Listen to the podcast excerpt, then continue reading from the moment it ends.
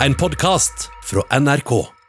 Både filmskapere og politikere mener det er livsviktig å minnes terroren som rammet 22.07.2011. Selv i år, når markeringen blir digital og litt dempet. Skaperne bak dramaserien 22.07 håper serien kan stå som et tidsvitne for terrorhandlingen.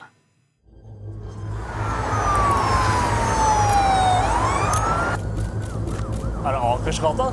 I dramaserien 22. juli som kom i januar i år, har serieskapere Pål Slettaune og Sara Johnsen prøvd å forevige terrorhendinger som rysta Norge og verden for snart ni år siden. Vi håper at 22. juli TV-serien skal kunne brukes for å fortelle de kommende generasjoner om hva som hendte. Sånn at eh, den skal være et supplement til bøker og 22. juli-senteret og eh, sånne ting. Og hjelpe oss å huske den hendelsen i kulturen. Og nettopp det å huske er ikke Sara Johnsen alene om å synes er viktig. Når datoen nå nærmer seg, blir årets markering annerledes, men det er ikke mindre viktig å minnes, mener generalsekretær i AUF Sindre Lysø.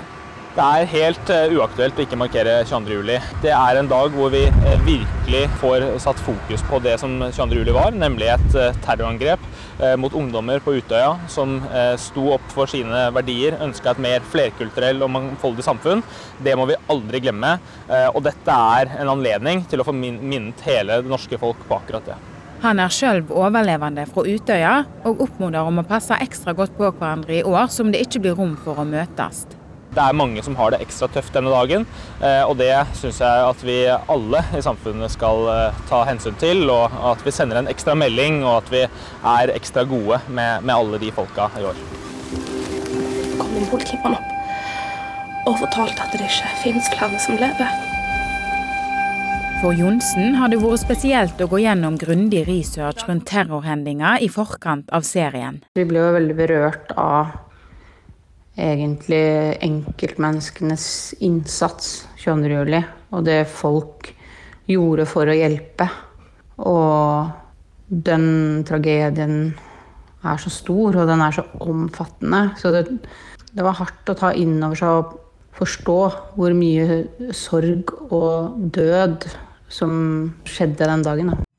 Reportere her det var Ida Yasin Andersen og Silje Lisette Tennøy.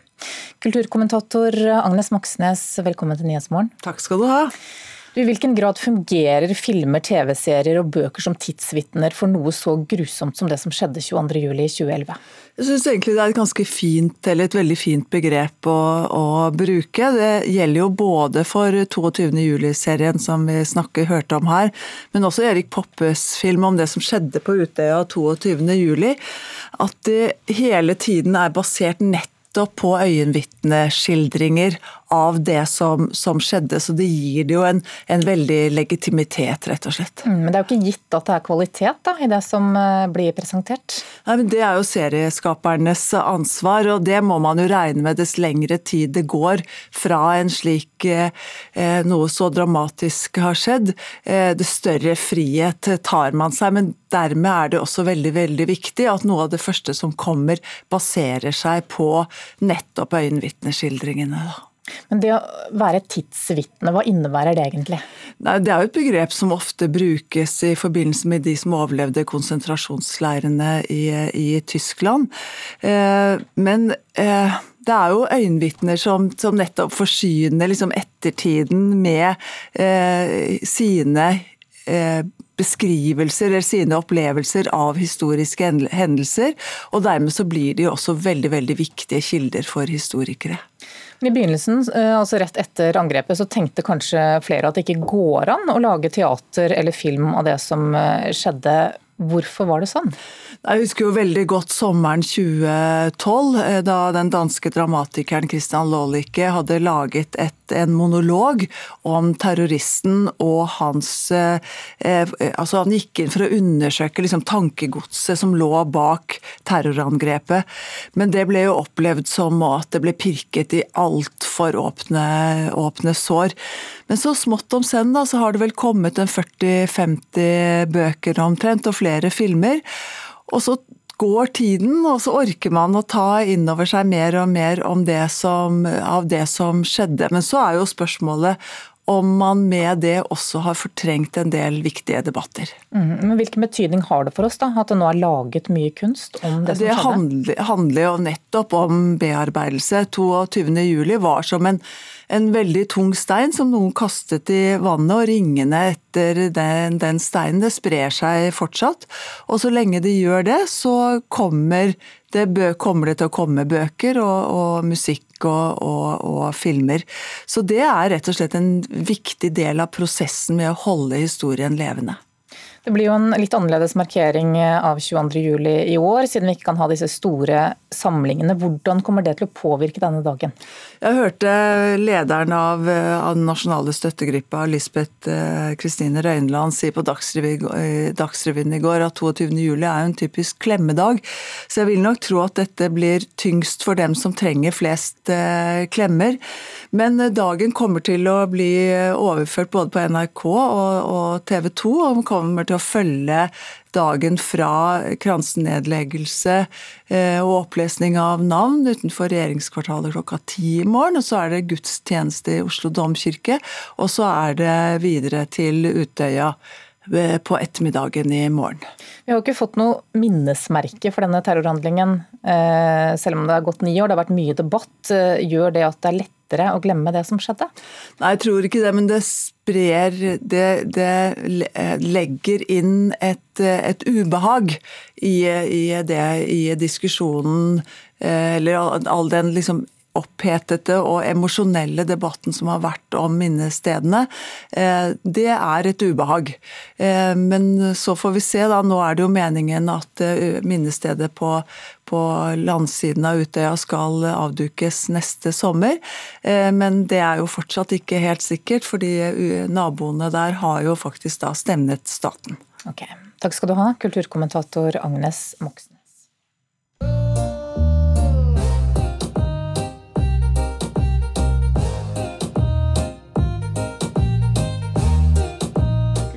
Mer enn dette. Denne sangen og dansen som er laget til, har gått viralt, som det heter, på den sosiale plattformen TikTok den siste tiden. TikTok, der folk legger ut korte, kreative videoer, har blitt svært populært blant barn og unge over hele verden, også her i Norge. Nå er også politiet på plass på TikTok, og på hvilken måte, kulturreporter Oda Elise Svelstad? Ja, Politiets nettpatrulje forteller til Bergens Tidende at det har over 170 000 følgere og til sammen 17 millioner visninger på det de har lagt ut på TikTok til nå. På den måten når de ut til langt flere ungdommer enn før, og det med færre ressurser. Hva konkret er det de bruker TikTok til? De bruker plattformer for å kommunisere, informere og nå ut med budskap som kan forebygge kriminalitet.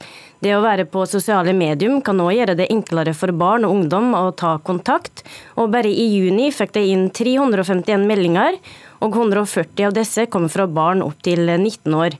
Eh, politibetjent se nettpatruljen Frode Hauge sier til Bergens Tidende at selv om de ikke har statistikk på dette ennå, er de ganske sikre på at de får vite mer nå enn eh, før. Ja, hva er det de får meldinger om? De får bl.a. inn meldinger om deling av nakenbilde. Medietilsynets rapport fra mai viste bl.a. at nesten halvparten av 13-18-åringer har fått tilsendt nakenbilde. Og med bakgrunn i det laga Nettpatruljen en video som forklarte hva en bør gjøre om en får tilsendt uønska nakenbilde. Og etter det har flere ungdommer henvendt seg og fortalt om lignende erfaringer. Og er lovbrudd grovt nok, oppretter politiet sak. Hvilke andre fordeler er det for eh, politiet å bruke eh, sosiale medier? Ifølge Hauge så er de mer effektive. Eh, denne videoen der de advarer mot deling av nakenbilder, har blitt spilt i 446 timer. Og skulle de ha brukt like mange timer på å reise rundt på skoler for å formidle det samme budskapet, så hadde det tilsvart ei fulltidsstilling på tolv uker. Medan denne videoen brukte de bare én dag på laget. Hvordan er responsen på politiets eh, TikTok-arbeid eh, utenfor eh, kjernebrukerne av TikTok? Jo, Da nettpatruljen ble oppretta i fjor, var flere skeptiske, også innad i politiet. TikTok er jo en underholdningsplattform der folk legger ut morosamme snutter. Og også politiet har tatt del i det selskapet ved å legge ut videoer av at de danser og sjonglerer. Men det har vist seg å fungere bra, for ifølge Hauge har tilliten til politiet økt og ikke sukket. Og skepsisen innad i politiet har også snudd. Takk, Oda Elise Svelstad. Så skal vi ha om kunst.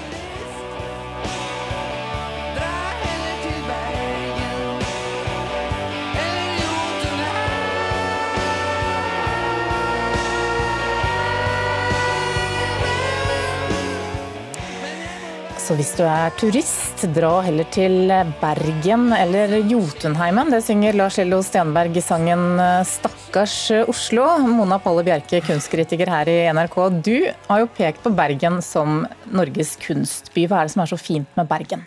Ja, enten det er strålende sol eller pøsende regn, så er alltid Bergen en opplevelsens by. Og jeg elsker å ankomme i grålysningen etter en litt sånn duvende natt på toget, eh, med skinnegangens sang i ørene og klar og uthvilt for en dag full av opplevelser. Og Det første som må fremheves er jo Bergens eget kunstmuseum, Kode, som året igjennom produserer fagsterke og interessante utstillinger. Og nå i sommer har de et virkelig formidabelt eh, program.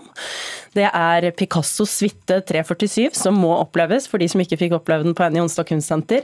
Det er Henrik Håkanssons 101 del av et eh, tre, som er et veldig flott eh, installasjon. Og så har jo også museet Skattkammeret en fast samling, som rommer da et stort antall Munch-malerier. Selvfølgelig hovedverk fra nasjonalromantikken og bergenseren i C. Dahl. Og i denne kunsthistoriske presentasjonen kan man nå se eh, Jeanette Christensens uhyre sterke utstilling 'Interruptions'. Så er jo Bergen også en by da, med et visst eh, historisk sus. Ja, det er det ikke tvil om. Altså, byen ble grunnlagt av Olav Kyrre, kong Olav Kyrre i 1070, og ble gitt det poetiske navnet Bjørgvin, som betyr sletten mellom fjellene. Og Fremdeles så finnes det jo kulturarv omtrent på hvert Eh, gatehjørne i Bergen, foruten Bryggen, som er den siste rest av den unike trehusbebyggelsen som utgjorde egentlig hele byen nesten frem til 1800-tallet, så kan man jo da klyve opp de smale trappene opp i Rosenkrantztårnet, som er et renessansebyggverk, eh, og skue utover Vågen eller bort på den gotiske festsalen Håkonshallen, som ble oppført i klebersten i spissbuestil på 1200-tallet. Men hvis du har knapp tid og bare må velge ett eneste historisk bygg, så vil jeg absolutt si Mariakirken på Dregsallmenningen, som er et av de flotteste eksemplene vi har i landet på tidlig eh, middelalder eh, rundbuestil. Ordentlig mm, romansk hvelv. Eh, så der kan man gå altså, og se Bergens eldste bevarte bygning, som er oppført i 1180. Okay, men det kan jo være de da, som ikke klarer å oppdrive den helt store entusiasmen verken for middelalderske festsaler, gammel trehusbebyggelse eller kirker. Men da kan de ta en annen type byvandring. De kan gå på jakt etter gatekunst, for Bergen er jo den byen med mest gatekunst ja. i Norge, er det ikke det? Det er street art-hovedstaden, helt uh, klart. Og mange husker jo sikkert dette bildet av den korsfestede Sylvi Listhaug i denne nisjen på Nygårdshøyden. Da jeg var i begynnelsen av juli i Bergen, bare i liksom et drøyt døgn, så opplevde jeg det som man kan oppleve i Bergen, at det kommer et nytt bilde i løpet av den tiden du er der. Og da i den samme nisjen av den samme kunstneren, AFK, så dukket det opp et politisk rasende gatekunstverk som da eh, tematiserte Israels USA-støttede undertrykkelse av det palestinske folk. Det var altså et bilde av Donald Trump, eh, Benjamin Netanyahu og Jared Kushner. Og eh, sistnevnte da som presser en palestiner, da representert ved tegneseriefiguren Handala i bakken med kneet mot halsen. Dette som nå er blitt eh, virkelig ut, selve bildet på undertrykkelse. Hvor lenge dette bildet vil pryde denne nisjen, det vet vi jo ikke. Det er jo gatekunstens natur at den dukker opp fort og forsvinner igjen. Men gå i hvert fall ut i Bergen og søk i smau og gater, så finner du garantert denne type bilder, denne urbane kunstformen som er, er så, Bergen er så rik på. Men, men, eh, selv om byen er full da, av kulturminner, eh, skulpturer og gatekunst, så er det ofte blitt hevdet, hevdet, at den mangler levende samtidsarkitektur? Ja, på godt og vondt så har nok Bergen hatt en veldig streng byantikvar. Eh, og noen vil jo si at eh, det er en veldig god ting. Eh, mens andre vil mene at det har gjort Bergen til en fullstendig akterutseilt by sånn arkitektonisk. Men hvis man vil gjøre seg opp sin egen mening, da, fordi begge deler er jo litt sant, så kan man ta Fløibanen opp til, på fjellet og få et ordentlig overblikk over denne eh, rike byen. Og Fløibanen er jo for øvrig en opplevelse i seg selv, hvor man da går rett fra byens sydende sentrum og nesten opp på det som oppleves som høyfjellet. Så det, Der kan man jo både studere arkitektur fra, fra et fugleperspektiv, og for en f.eks. barnefamilie så er det jo en veldig fin eh, utflukt. Ok, Takk skal du ha. Mona Palle Bjerke, kunstkritiker her i NRK. Og din nettsak om Bergen som kunstby den kan vi lese på nrk.no.